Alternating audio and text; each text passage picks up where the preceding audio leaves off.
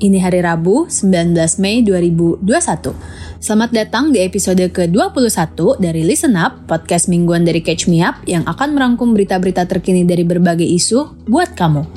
Hari ini kita bakal bahas soal kebanyakan kerja bisa bikin kamu cepet mati, terus juga soal kisruh KPK, terus juga soal krisis di Myanmar yang masih going on. Now, let's catch up! Oh, ini orang kata gue teh. Masih hidup loh. Itu tadi dia guys, pertanyaan yang cocok banget kamu ajukan buat temenmu yang kebanyakan kerja. Jadi emang kemarin banget nih, World Health Organization atau WHO baru aja menyampaikan hasil penelitiannya. Isinya mereka menemukan bahwa orang yang kebanyakan kerja memiliki resiko lebih cepat mati dibandingin yang nggak kebanyakan kerja. Nah, sebanyak apa sih kerjanya? Gini-gini, menurut WHO, orang yang kerja selama 55 jam atau lebih dalam seminggu punya resiko sebanyak 35% lebih tinggi untuk kena penyakit stroke. Terus mereka juga beresiko 17% lebih tinggi untuk meninggal karena penyakit jantung. Resiko ini lebih tinggi dibandingin pada mereka yang kerja dalam jam normal yakni 9 to 5 atau kalau di total-total ya 35 sampai 40 jam lah per hari. Nah, menurut catatan WHO, ada sekitar 745 ribu orang yang meninggal di tahun 2016 karena overwork. Overwork ini kemudian menyebabkan stroke dan serangan jantung hingga berakhir kematian. Yang mengkhawatirkan guys, angka ini tuh menunjukkan peningkatan sebanyak 29% dibandingin penghitungan sebelumnya di tahun 2000. Nah, menurut pimpinan WHO yaitu Mr. Tedros Adhanom, ya nggak worth it banget lah kalau misalnya sampai harus kena stroke atau penyakit jantung gara-gara kebanyakan kerja.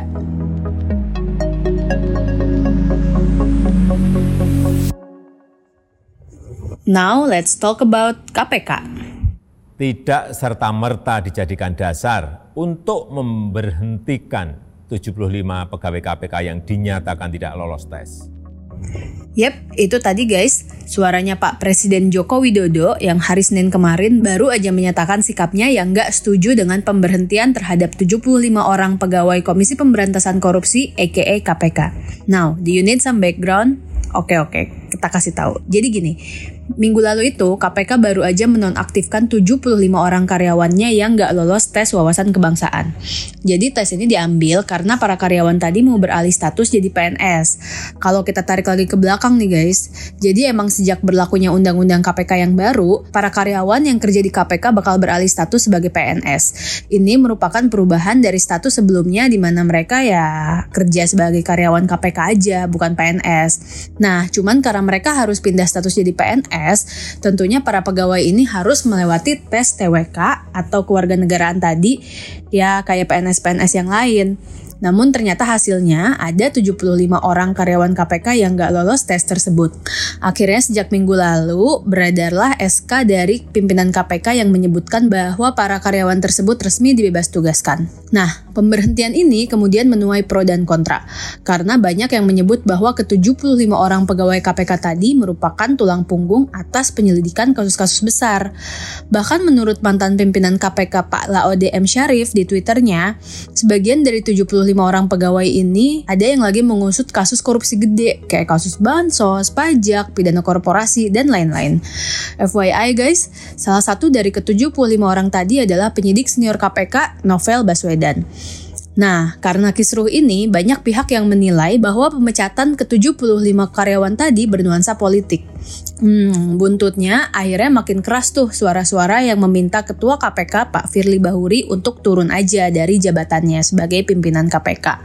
Beliau dinilai udah melanggar kode etik dengan melakukan pemecatan tadi.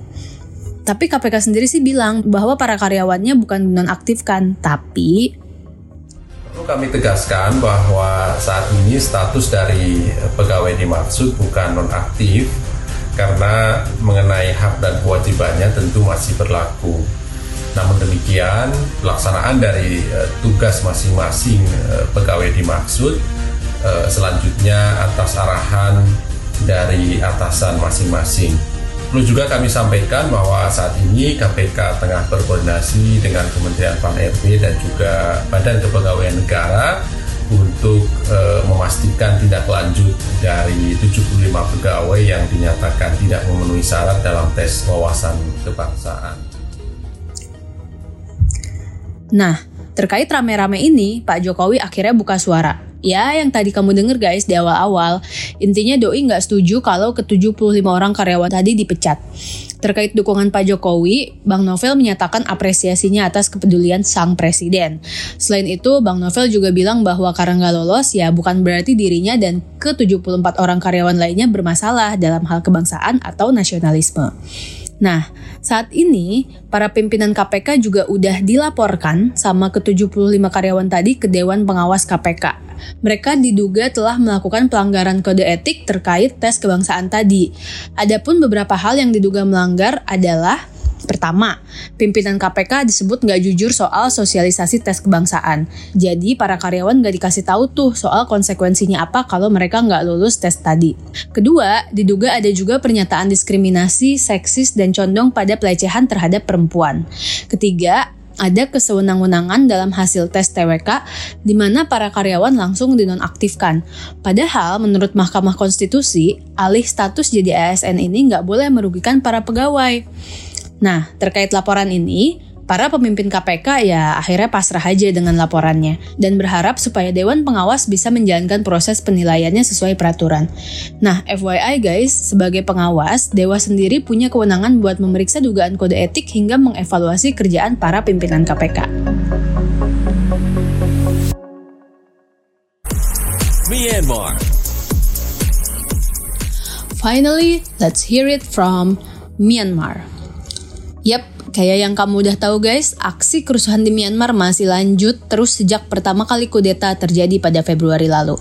Kondisi di sana juga makin mencekam, secara hingga saat ini ada lebih dari 800 orang yang tewas dan ribuan orang yang udah ditangkap dan ditahan oleh junta militer. Menurut laporan dari kelompok hak asasi manusia kemarin, namanya Asosiasi Bantuan untuk Tahanan Politik atau AAPP, jadi so far udah ada 802 orang yang tewas akibat kekerasan aparat dan 4.120 orang yang ditahan. Selain itu, ada juga 20 orang warga yang dijatuhi hukuman mati sama pihak militer. Adapun angka tersebut termasuk dari kejadian yang ada di kota-kota negara bagian kayak Chin, Mandalay, dan Yangon. Selain itu, minggu lalu suasana juga makin panas ketika tentara Myanmar menyerang pemukiman warga di kota Mindat demi menangkap kelompok militan lokal. FYI, kelompok militan ini adalah pasukan sipil yang punya senjata.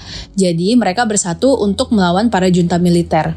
Nah, akibat aksi dari kelompok militan ini, junta militer kemudian memperlakukan status darurat militer dan bete banget karena anggota mereka diserang. Nah, menurut stasiun televisinya pemerintah, ada sekitar seribu orang gak bermoral yang menyerang kota Mindat. Gara-gara bentrokannya, ada ribuan penduduk di Mindat yang melarikan diri ke hutan, desa, dan lembah supaya nggak terlibat dalam serangan militer tadi.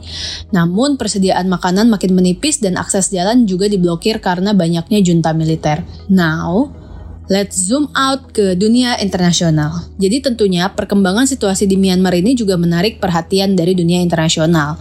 Tadinya, Selasa kemarin PBB bakal melakukan pemungutan suara terkait rencana untuk menghentikan dulu pasokan senjata dan amunisi ke Myanmar dari para negara anggota. Namun voting tersebut akhirnya ditunda.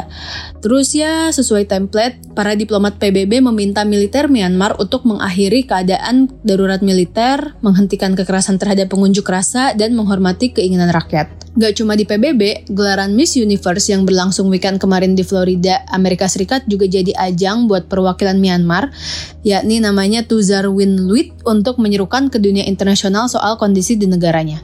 Dalam videonya, Luit bilang bahwa I think you already know about the news of the crisis in Myanmar.